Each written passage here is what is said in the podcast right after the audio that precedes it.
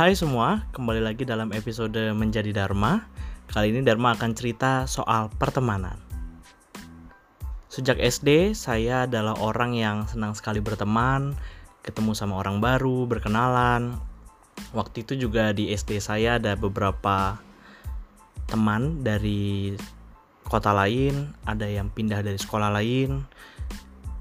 Saya adalah orang pertama yang ngajak mereka ngobrol Sejak saat itulah akhirnya saya mulai jadi orang yang terbuka untuk eh, ngajak orang lain main, untuk ngajak orang lain belajar, untuk ngajak teman-teman saya ikut ke dalam mobil, ikut antar jemput yang sama, ikut jajan gitu. Senang banget rasanya bisa ngajak teman-teman untuk gabung sama saya waktu itu. Dan saya juga orang yang penasaran untuk bisa ikut di kegiatan-kegiatan selain di kelas ya. Misalnya ada orang yang ikut lomba, saya nimbrung. Ada orang yang ikut organisasi, saya ikut. Termasuk waktu itu saya akhirnya ikut pramuka. Karena saya rasa waktu itu pramuka adalah organisasi yang paling hits dan teman-temannya juga banyak banget dari semua kelas, dari semua angkatan. Akhirnya saya ikut dari kelas 4 sampai kelas 6 waktu itu.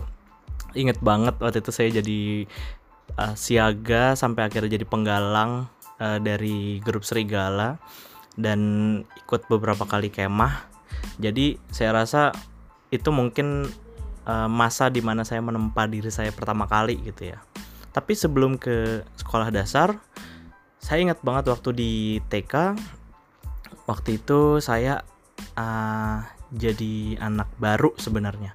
Jadi teman-teman sudah di tahun kedua, uh, sekolah. Jadi kan ada TKA TKB dulu ya ada nol kecil nol besar. Uh, saya waktu itu langsung loncat ke nol besar ketika pertama kali masuk karena uh, ibu saya menyarankan agar saya belajar di rumah kemudian langsung masuk di TK nol besar pada saat usia 6 tahun.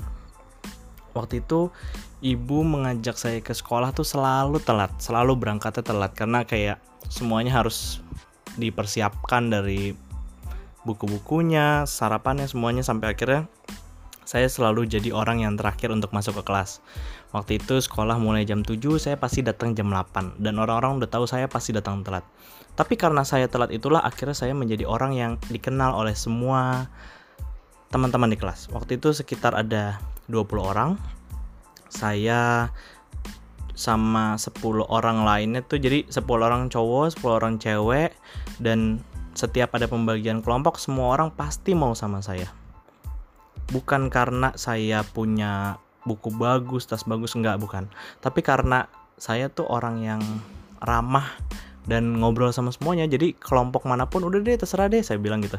Ya udah terserah siapa aja deh, aku ikut, aku ikut gitu. Nah, itu SD sama TK ya. Kemudian berlanjut ke SMP, saya waktu itu ada di jadi waktu itu kelas 1 kita masuknya siang. Jam 1 sampai jam jam setengah 1 sampai jam setengah 6. Saya ingat banget sebelum ke sekolah kalau kita datangnya terlalu cepat, saya pasti sama teman-teman ke warnet atau kita nunggu di warung karena kalau nunggu di sekolah, sekolahnya penuh. Waktu itu kita sekolahnya gantian. Kelas 1 2 3 tuh ada yang pagi, ada yang siang akhirnya kita ke warnet. Nah dari pertemanan warnet itulah akhirnya saya ketemu sama teman-teman yang lumayan klop. Uh, pertama jalannya searah. Dulu kan kita punya ya pasti ya temen ya. Temen yang uh, searah jalan dari rumah sampai ke sekolah gitu. Pertama kita naik angkot yang sama. Uh, waktu itu angkotnya adalah M34 dari aduh lupa. Dari pengadegan sampai ke Tebet deh pokoknya. Terus uh, kita nongkrong di warnet. Uh, kebetulan di warnet itu tongkrongan dari teman-teman yang sekolah dasarnya sama kayak saya di SD Asporbi 2 Pancoran. Biasanya anak-anak pancoran tuh emang sekolahnya di Tebet lagi Tebet lagi dan lingkungannya itu juga sih. Tapi di warnet ini juga ada anak-anak yang emang SD-nya di Tebet jadi saya punya kenalan baru lagi nih gitu. Dan anak-anak yang nongkrong di warnet ini kebetulan anak-anak yang tidak satu kelas dengan saya di kelas 1 jadi senang lah punya lingkungan baru gitu selain anak-anak warnet di sekolah juga saya punya pertemanan yang uh, banyak ya di luar kelas tuh banyak banget. Pertama kan saya ikut ekskulnya pas kibra, jadi saya ada circle uh, teman-teman pas kibra. Terus saya ikut apa lagi ya? uh, teater ya kayaknya teater jadi ada ada klub bahasa gitu dulu jadi uh, termasuk di antaranya ada Aca Septriasa waktu itu yang memang hampir setiap acara sekolah dia pasti tampil deklamasi puisi. Nah saya tuh bersama dia dan beberapa teman tuh termasuk uh, orang-orang yang ada di klub yang sama itu. Uh, kita sering ke perpus sering bikin resensi ikut lomba sinopsis sering uh, minjem buku di perpus.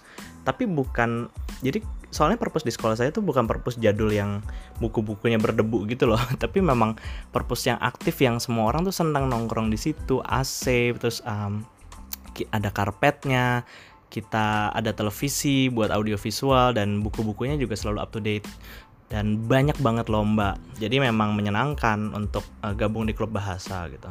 Dan termasuk kita juga membahas teater sedikit sih walaupun belum ada penampilan-penampilan yang gimana banget gitu terus saya juga punya circle teman-teman yang uh, anak dance.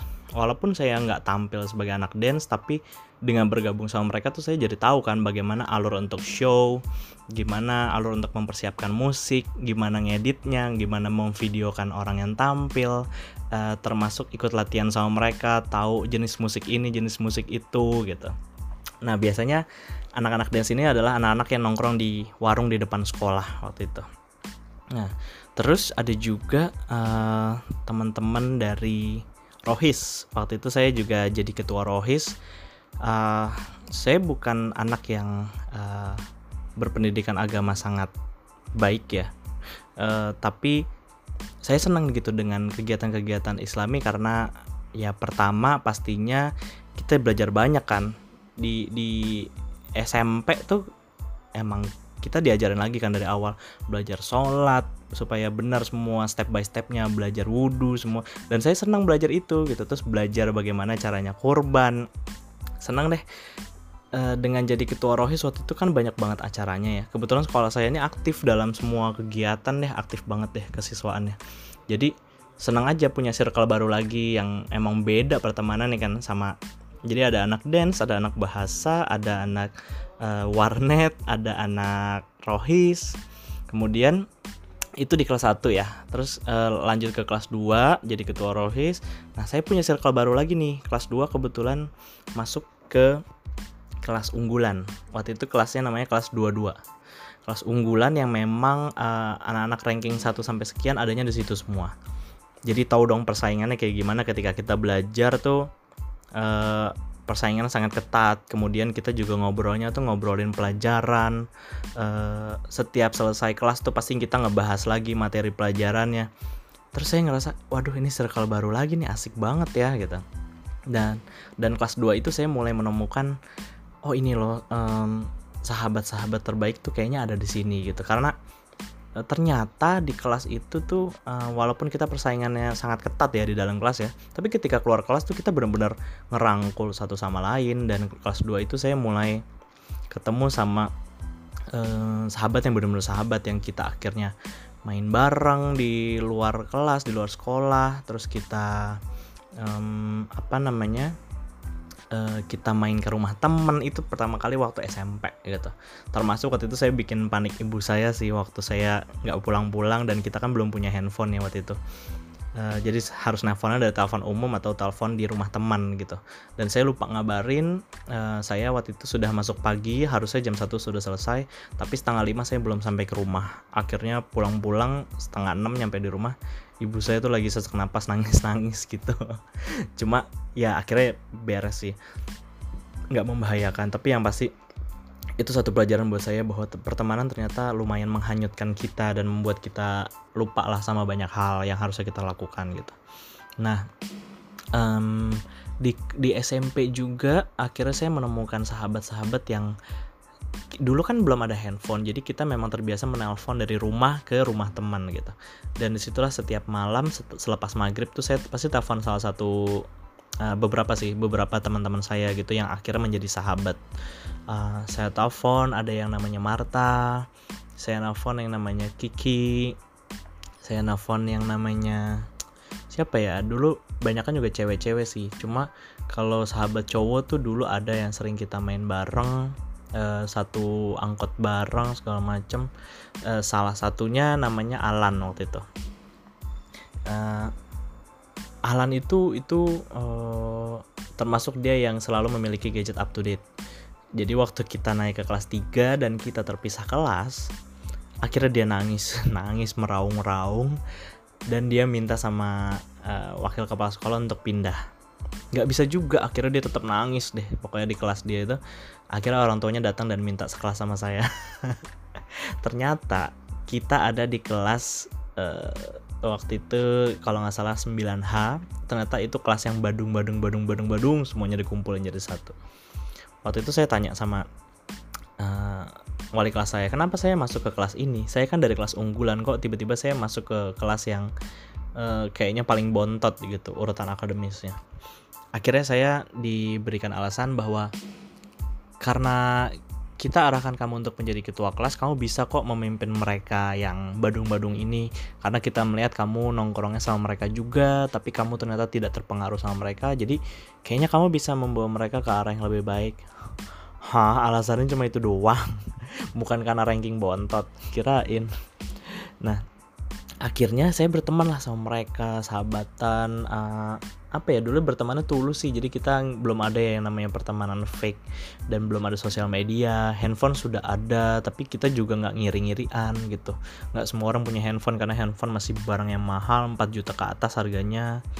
Cuma ya alhamdulillah saya uh, berteman dengan lintas latar belakang ekonomi terus dengan ya siapa aja benar-benar siapa aja gitu. Saya masih ikut ekskul ekskul ikut lomba semuanya jadi berteman dengan siapa aja tuh ternyata sangat menguntungkan ya karena kita ngobrol sama siapa aja nyambung minta tolong sama siapa aja nyambung termasuk uh, akhirnya orang-orang banyak mengenal kita dan mau buat mengajak kita ikut lomba misalnya ngajak kita ke ke rumahnya ngajak kita ke undangan tertentu gitu. Jadi saya rasakan banget manfaatnya gitu. Nah waktu SMP ini saya ingat banget waktu itu uh, Alan itu kehilangan handphonenya dan pas kita cek ke kelas ternyata handphone udah nggak ada dan kita tunggu berhari-hari ternyata nggak ada yang balikin. Uh, saya waktu itu nyari di semua kelas sampai malam saya ingat banget sampai ya sekitar maghrib lah gitu. Terus uh, saya juga ngebantu dia waktu waktu itu dia lagi pentas apa ya gitu ya. Oke kita pentas drama deh. Terus tiba-tiba ada adegan ngangkang dan celananya dia robek saya yang bantu jahitin waktu itu. Karena waktu itu nilai tata busana saya 9 dan paling tinggi. Terus dia bilang oh kamu kan uh, jago ngejahit. Tolong dong bikinin ini uh, tolong jahitin celanaku kata dia gitu. Terus kayak waduh ngejahitin celananya. Terus dia nggak mau ngelepas celananya jadi sambil dipakai sama dia celananya saya jahitin di bagian tengah. Itu awkward banget tapi uh, se selucu itu loh dulu pertemanannya ya. Maksudnya ya kita benar-benar sama temen gitu bukannya bukannya berteman karena ada manfaatnya gitu. Terus waktu waktu SMP kelas 2 juga saya pernah suka sama seseorang. Terus nggak pernah deket nggak gimana banget. Terus tiba-tiba uh, waktu di kamar mandi tiba-tiba tinggal saya sendiri adalah seorang kakak kelas kalau nggak salah waktu itu namanya Andika.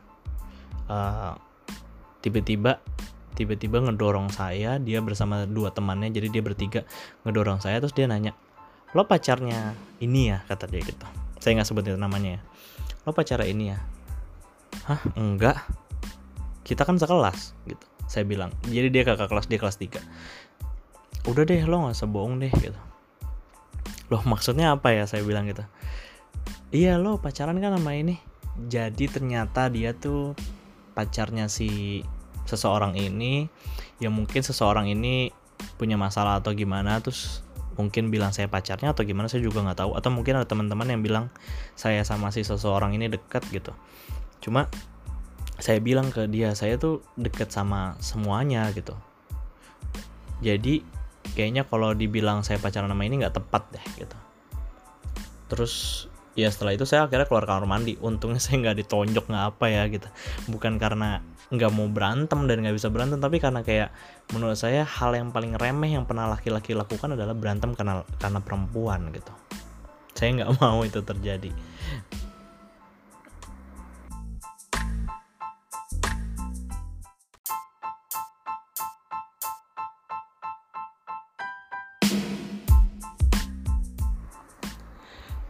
di SMP juga saya waktu itu waktu masih kelas 1 ada anak-anak kelas 2 yang waktu itu suka sama saya. Jadi kita sama-sama masuk siang dia kelas 2 yang siang saya juga kelas 1 masih masuk siang um, jadi ceritanya di antara gengnya berempat jadi dulu kan hits banget ya ngegeng ya. Dari gengnya dia berempat itu ada salah satu yang suka sama saya terus kayak semuanya tuh berusaha supaya saya jadian sama si kakak kelas ini. Padahal bukan tipe saya terus udah gitu rambutnya di roll terus gitu. Ya kocak deh pokoknya deh. Jadi kayak dia memaksakan terus dia akhirnya declare bahwa dia suka sama saya gitu. Terus saya bilang saya nggak suka. Terus dia marah-marah dan sejak itu kayak ngegencetin cewek-cewek yang deket sama saya dalam artian teman sahabat segala macam digencet-gencetin sama dia gitu. Ya akhirnya saya marah lah gitu. Marah kalau nggak salah saya marah di kantin deh. Saya marah di kantin um, terus akhirnya uh, dia berusaha untuk untuk uh, nyiram saya pakai saya lupa pakai teh atau pakai bakso saya juga lupa ya tapi nggak kena ternyata kena dirinya sendiri gitu. Dan kayaknya dia kepanasan gitu karena tumpah ke roknya gitulah. Itu itu kocak banget sih.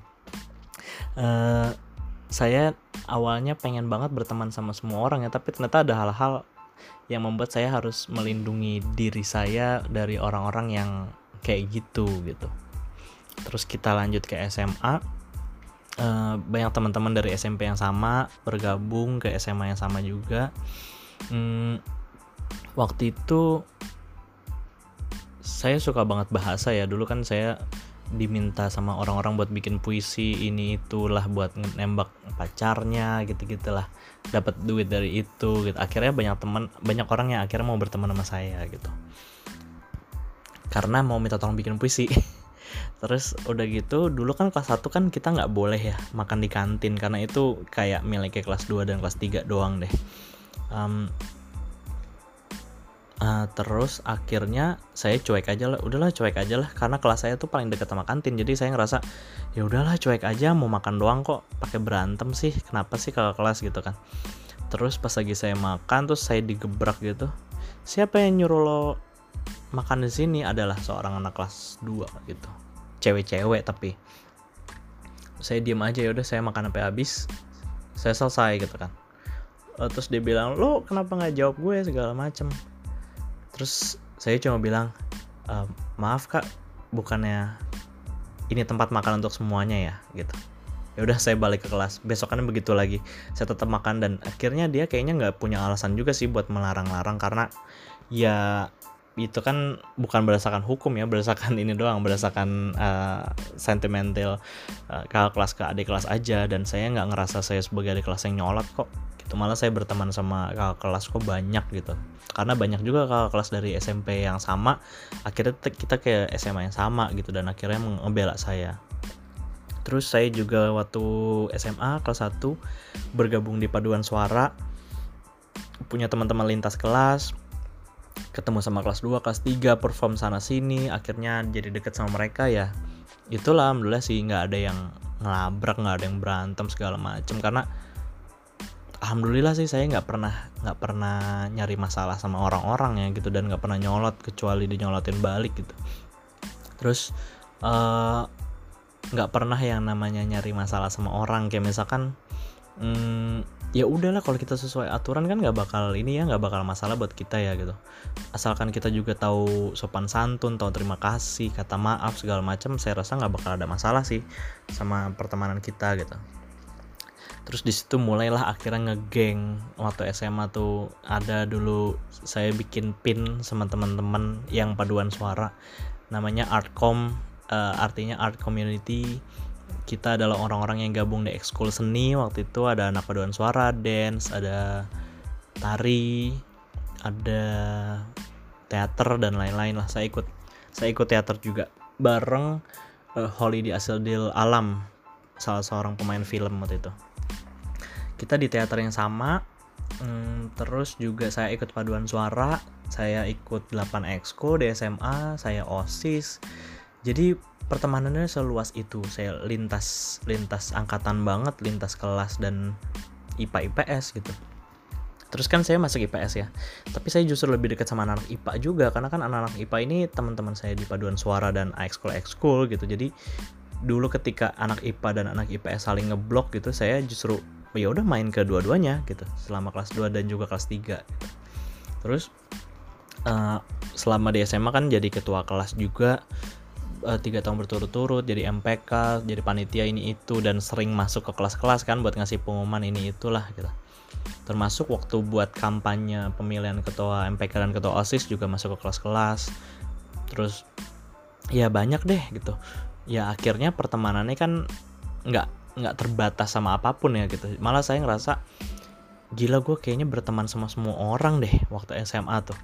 Sampai ngerasa saya nggak punya nah waktu SM, SMP kan saya punya sahabat ya beberapa sahabat ya. Ada Alan ada Marta ada siapa-siapa yang akhirnya saya main ke rumahnya gitu. Tapi ketika SMA saya tuh nggak begitu. Saya nggak main ke rumah teman justru teman yang main ke rumah saya karena saya rasa yaudah deh kalau mau main lo ke rumah gue aja deh gue capek gue harus ke sini dulu ntar gue nyusul ke rumah gitu. Tapi saya ngerasa justru kehilangan banget sahabat. Saya nggak teleponan sama siapa-siapa saya nggak curhat sama siapa-siapa karena saya nggak punya waktu buat curhat karena saya terlalu banyak kegiatan. Um, saya waktu di SMA pacaran cuma ya nggak nggak apa ya uh, saya saya temenan sama teman-temannya pacar saya juga gitu tapi nggak nggak ngerasa pacaran tuh sebuah masalah yang bisa saya curhatin ke sesama teman cowok gitu loh. Kalau dulu kan ada ya kan biasanya kita juga saling curhat soal cewek kita begini nih cewek kita begitu gitu. Tapi saya itu nggak kayak ya udah biasa aja jalannya sendiri aja gitu. Karena saya udah sibuk sama geng sana geng sini ekskul sana ekskul sini berteman sama anak mulai dari anak seni sampai anak IPA yang kutu buku sampai anak perpus semuanya berteman gitu. Dan saya ngerasa oh ini nih yang harus gue lakukan. Gue kayaknya nggak bisa deh punya sahabat karena uh, pertemanan itu penting di semua circle. Gue harus gabung dari mulai anak ka orang kaya sampai orang miskin anak uh, pedagang apa kayak sampai anaknya bos besar gitu. Saya harus bisa berteman sama mereka semua. Tapi uh, akhirnya saya kenal sama sebuah organisasi remaja ceria Jakarta Selatan yang sebenarnya merupakan duta pemuda dan olahraga di bawahnya di Sorda DKI Jakarta. Dan di situlah saya mulai menemukan saudara. Bukan lagi teman, bukan lagi sahabat, tapi saya mengenal saudara. Kami di situ selepas pemilihan dan malam finalnya waktu itu akhirnya kita kan berorganisasi bertahun-tahun mulai dari 2007 sampai acara itu berhenti di tahun 2013 kita bersahabat um, pelatihannya itu sekitar 30 hari dengan karantina nginep dan segala macam dan persiapannya kan berbulan-bulan dan setelah itu kita juga memiliki acara-acara bareng gitu. Dan itulah yang membuat saya akhirnya ngerasa oke okay, pertemanan gue sudah sudah cukup banyak di SMA dan selama SMA sampai kuliah di remaja ceria ini gue harus punya yang namanya sahabat akhirnya bertemulah dengan beberapa orang yang cocok gitu. Kita kan tidak bisa ya memaksakan orang-orang untuk cocok sama kita dalam banyak hal gitu. Kalau cuma satu dua hal ya adalah gitu. Dan saya ngerasa waktu SMA tuh kayaknya saya di circle ini cocoknya ini doang deh. Kayaknya saya di lingkungan yang ini cocoknya ini doang deh. Kayaknya kalau mau nonton harusnya sama teman-teman yang ini kalau mau nyari buku sama teman-teman yang ini gitu. Tapi akhirnya di organisasi duta pemuda olahraga ini saya bertemu dengan orang yang cocok dalam banyak hal dari ngobrol dari soal politik, sosial, ekonomi, agama. Saya bisa ngobrol apa pun sama mereka, curhat tentang pacar, tentang keluarga dan saya ngerasa mereka bukan cuma teman dan sahabat ya. Kita udah kayak keluarga banget. Kita nginep bareng, cowok cewek juga kita nggak merasa bahwa bahwa uh, kita ada jarak, tapi kita karena kita saudara, kita menghargai satu sama lain gitu. Uh, tapi itu soal lain nanti akan saya ceritakan. Kemudian um, selama kuliah juga saya saya gitu. Saya tipikal orang yang um, selain senang jadi pusat perhatian pada saat itu senang maksudnya senang aktualisasi diri dalam banyak kegiatan saya ngerasa harus berteman dengan banyak orang. Tapi karena pelajaran saya di SMA sudah saya dapatkan gitu ya. Kayaknya emang nggak mungkin lah kita cocok sama orang. Akhirnya saya mulai mulai cari teman-teman yang cocok gitu. Uh, di kuliah saya sekelas itu 47 orang tapi saya berteman sama semuanya. Dari yang kerudungnya panjang banget sampai yang bajunya tank top pakai rok mini gitu saya temenin semuanya. Dari anak fakultas ilmu sosial sampai fakultas pendidikan, olahraga, ekonomi, teknik, saya juga punya teman di banyak fakultas gitu. Kan susah ya buat anak kuliah tuh kita temenan sama semua fakultas karena sudah beda banget lingkungannya, gedungnya juga jauh-jauh gitu. Akhirnya uh, karena saya ikut banyak kegiatan ya akhirnya kenal mereka kegiatan tingkat fakultas ataupun universitas akhirnya kenal sama kakak-kakak dari lingkungan yang baru uh, teman-teman yang sholatnya lima waktu sampai teman-teman yang nggak sholat sama sekali tuh saya temenin gitu saya ikut ngajar di sana sini ikut jadi sukarelawan ikut jadi um, apa ya uh, kayaknya apa aja tetap saya ikutin waktu kuliah gitu. Tapi akhirnya mulai menemukan orang-orang orang-orang tertentu nih yang akhirnya saya curhatin gitu. Saya ajak ngobrol saya ajak ke rumah gitu. Nggak semua orang saya ajak ke rumah. Beda sama SMA gitu. Jadi memang selama kuliah tuh saya mulai selektif kayak yaudah deh lo, lo aja deh main ke rumah. Eh tolong dong bilangin ini kayaknya nggak usah ke rumah deh gitu. Jadi emang mulai mulai mulai milih teman-teman mana yang baiknya akan kita jadikan teman-teman dekat gitu mana yang enggak gitu. Karena kan hmm, di kuliah saya juga melihat contoh ya dari senior senior bahwa lingkungan yang salah itu membawa kita dalam uh, hal yang tidak baik juga gitu.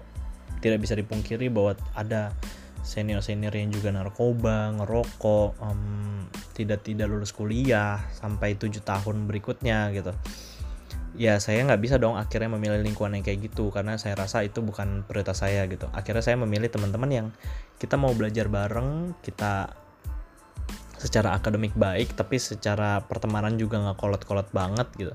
Ya udah akhirnya menemukan orang-orang yang cocok kita berteman sampai sekarang gitu. Dan selama kuliah itu uh, saya ingat banget waktu itu uh, saya pernah kecelakaan dan handphone saya juga waktu itu dilindas truk. Uh, saya pulang ke rumah. Oh sebelum pulang ke rumah saya dilindas truk. Uh, handphonenya kemudian saya masuk ke ke kampus.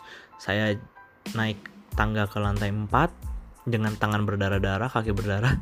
Akhirnya saya tetap ikut ujian dan uh, saya tetap minta minta ujian. Setelah itu saya pulang dibantuin sama teman-teman cari taksi dan ketika pulang sendirian saya nggak bisa ngubungin siapa-siapa kan. Ya udah akhirnya saya uh, tidur aja. Kemudian ada teman-teman yang datang banyak banget dan saya merasa bahwa oke okay, ini pertemanan itu pertemanan yang pernah gue tabung selama SD SMP SMA kuliah gitu.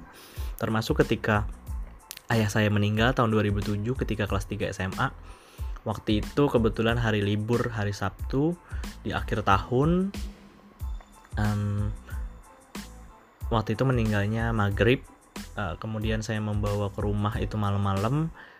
Terus uh, jadi kan biasanya kalau orang chat tuh saya langsung bales ya gitu saking aktifnya saya di lingkungan pertemanan mana-mana yang saya ikutin gitu. Terus kayak teman-teman curiga nih kok saya nggak balas saya nggak balas gitu. Akhirnya banyak yang nelpon dan saya bilang kalau ya ya saya meninggal jadi saya nggak bisa respon gitu kan. Ya mulailah mereka panik. Padahal saya waktu itu cuma uh, menjawab telepon dari satu orang teman ya kalau nggak salah waktu itu. Dan uh, akhirnya malam itu juga ketika saya sampai di rumah itu semua teman saya nggak tahu dari mana datangnya tuh banyak banget. Dari organisasi remaja ceria dari SMA teman SMP teman SD um, teman kuliah belum teman kuliah belum. Uh, terus teman-teman ekskul teman-teman yang bahkan cuma ketemu saat lomba teman-teman sekolah lain itu semua pada datang. Saya juga bingung sebanyak itu ya. Sampai besoknya tuh pas pemakaman juga uh, saya juga nggak ngerti dari sekian ratus orang yang datang ya ya setengahnya kayaknya setengahnya teman saya deh. Termasuk ketika yasinan tuh rumah saya setengahnya penuh sama teman-teman saya doang gitu ya teman saya sekali datang kan 30 orang. Terus kemudian lanjut lagi kalau yang satu pulang yang satu ngehibur saya itu datang 10 orang 30 orang gitu. Ya alhamdulillah sih maksudnya ternyata tabungan pertemanan saya ini selama ini menghasilkan hal-hal yang baik ya karena kesan baik yang saya kasih ke mereka akhirnya mereka juga ngasih timbal balik yang baik juga buat saya gitu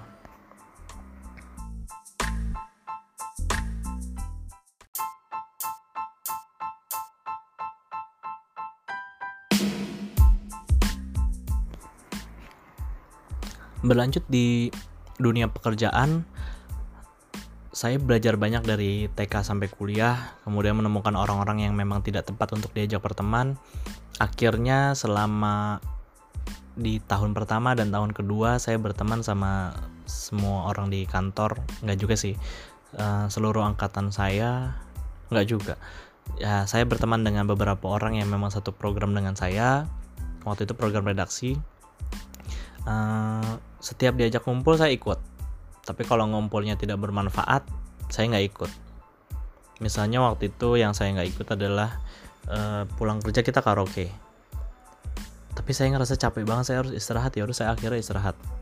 Walaupun pengen banget kalau misalkan waktu itu ngajak karaoke-nya ketika saya kuliah saya pasti ikut. Tapi karena ini waktu kerja saya nggak ikut gitu. Dan yang karaoke ini juga bukan teman-teman yang deket banget jadi ya udahlah gitu terus uh, misalnya ajakan buka puasa dari teman-teman yang mungkin ngerasa dekat sama saya tapi saya nggak ngerasa dekat sama mereka ya harus saya tolak karena saya pengen istirahat. Atau nggak saya punya acara lain sama keluarga sama teman-teman yang lebih dekat gitu. Selama di kantor uh, banyak kok yang akhirnya ngomong sama saya kok kok lo uh, lo coba ngobrol deh sama ini.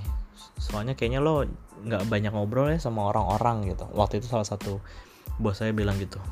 Saya bilang untuk apa ya ngobrolin hal-hal yang nggak penting itu buat apa gitu kalau nggak ada tujuannya? Nanti juga kalau saya ada perlu saya pasti ngobrol kok. Pernah waktu itu saya liburan ke Bali sama tiga orang teman jadi kita berempat dari program yang berbeda. Kemudian selama liburan tuh kita jadi omongan orang. Um, waktu itu ada yang bilang uh, salah satu laporan keuangan dari teman saya itu belum beres, jangan-jangan pergi pakai uang liputan nih gitu. Terus ada juga yang bilang ya iyalah dia perginya sama itu itu itu kan emang gengnya gitu. Ya banyak sih orang-orang yang ngiri kayak gitu. Tapi ya udahlah nggak perlu di nggak perlu direspon juga gitu. Terus ada juga orang-orang yang yang berusaha mencegah kita untuk cuti waktu itu ngasih penugasan tambahan di program. Tapi ya karena memang cuti itu hak jadi akhirnya kita tetap jalan. Terus juga ada omongan uh, saya banyak nggak ngobrol sama orang-orang sombong uh, itu pastilah gitu. Namanya juga politik kantor ya. Memang harus ada orang-orang yang berusaha menjatuhkan ada juga orang-orang yang support gitu. Dan menurut saya itu biasa aja. Tapi intinya selama kita di mana pun kita harus berusaha untuk selektif uh, selectively social bukannya milih-milih teman dari latar belakang tertentu gitu. Tapi uh, juga bukan oportunis untuk nyari manfaat doang dari teman. Tapi kita harus tahu teman-teman mana yang harus kita jaga dan berteman sampai kita sampai kita akhir hayat gitu. Teman-teman mana yang harus ada nih di setiap momen kita? Teman-teman mana yang juga memang ternyata selalu ada buat kita teman-teman mana yang ada buat kita di saat kita susah banget itu yang harus kita jaga.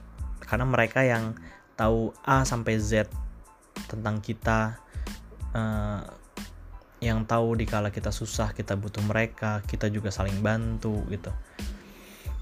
Tapi waktu itu ibu saya pernah bilang sama saya kalau jangan pernah percaya siapa pun 100%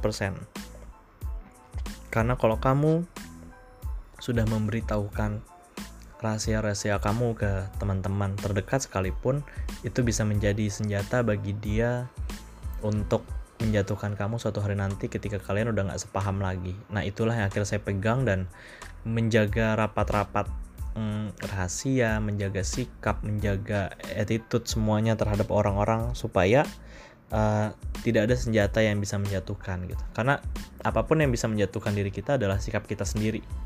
Semua rahasia punya kita tuh kita bocorin sendiri ya nggak?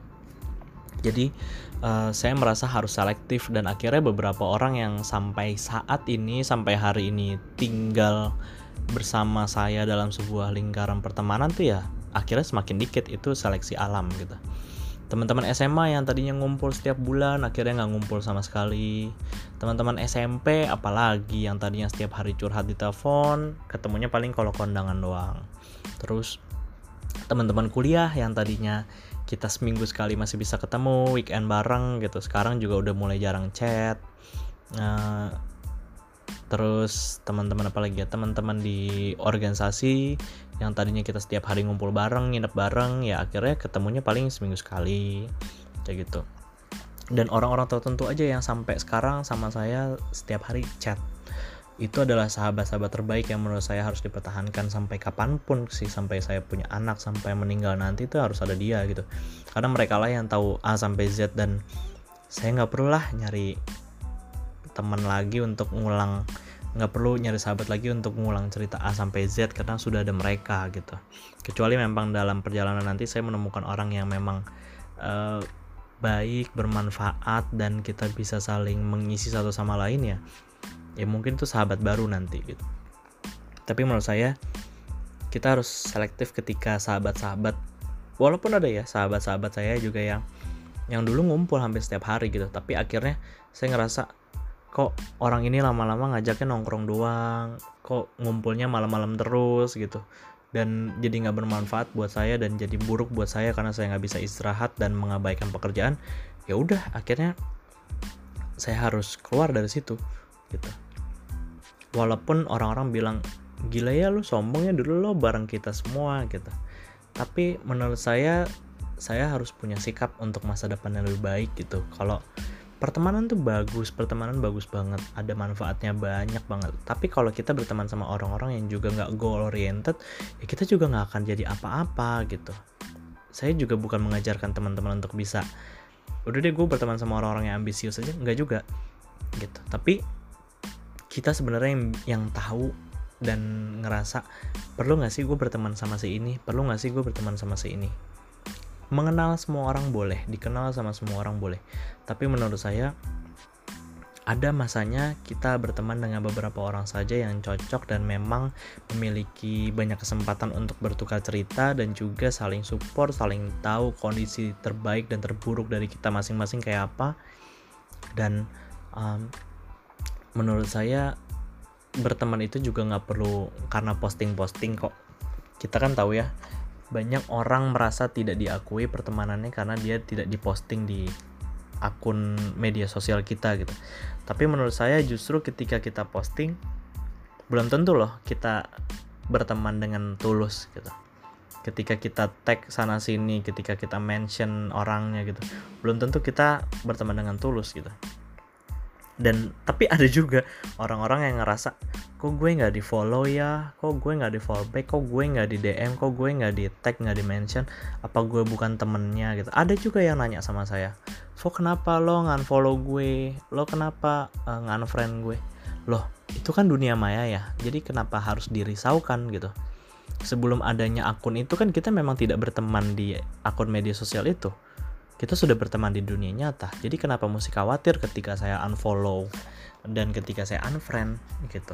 Itu semata cuma karena um, akun media sosialnya tidak memberi manfaat buat saya gitu.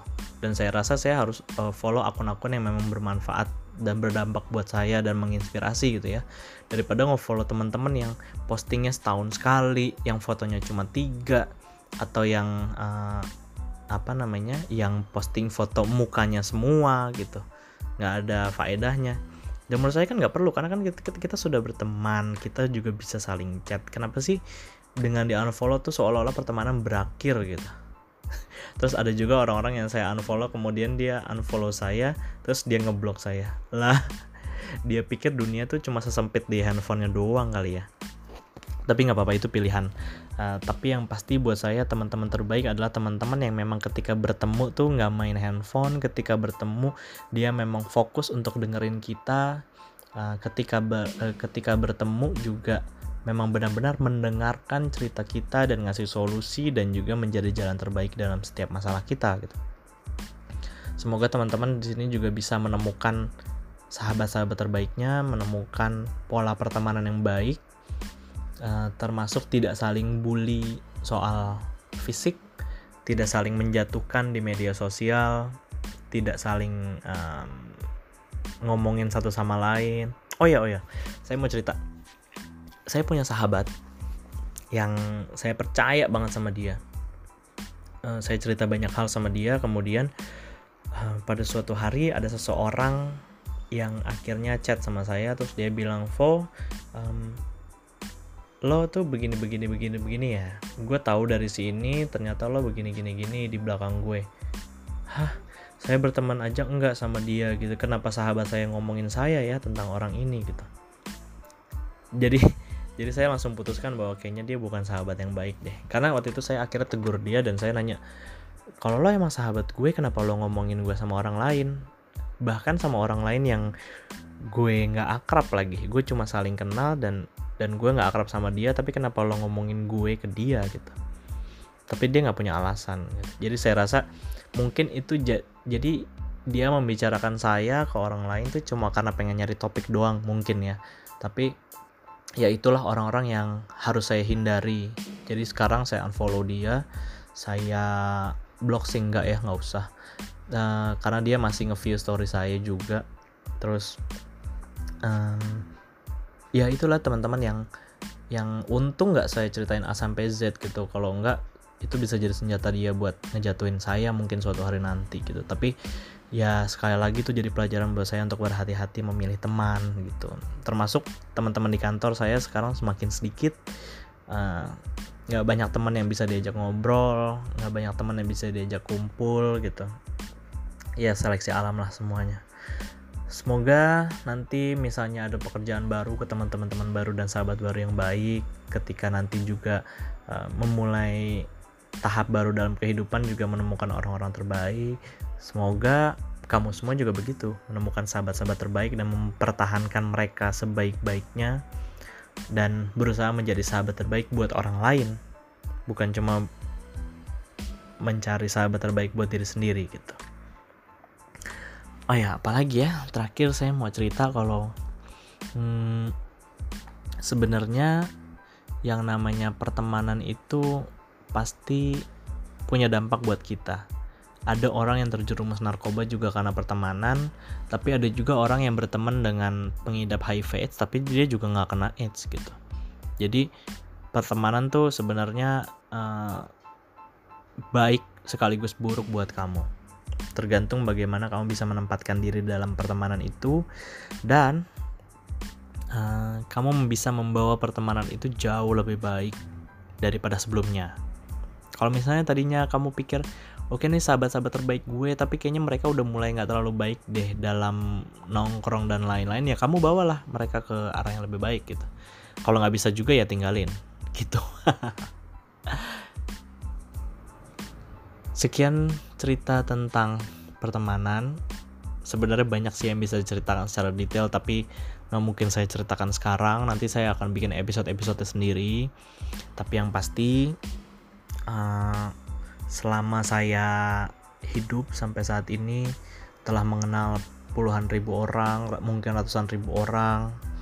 Uh, saya belajar banyak sekali soal pertemanan, dan semoga untuk teman-teman yang masih sekolah carilah sahabat-sahabat terbaik kalian yang bisa dijaga sampai akhir hayat nanti.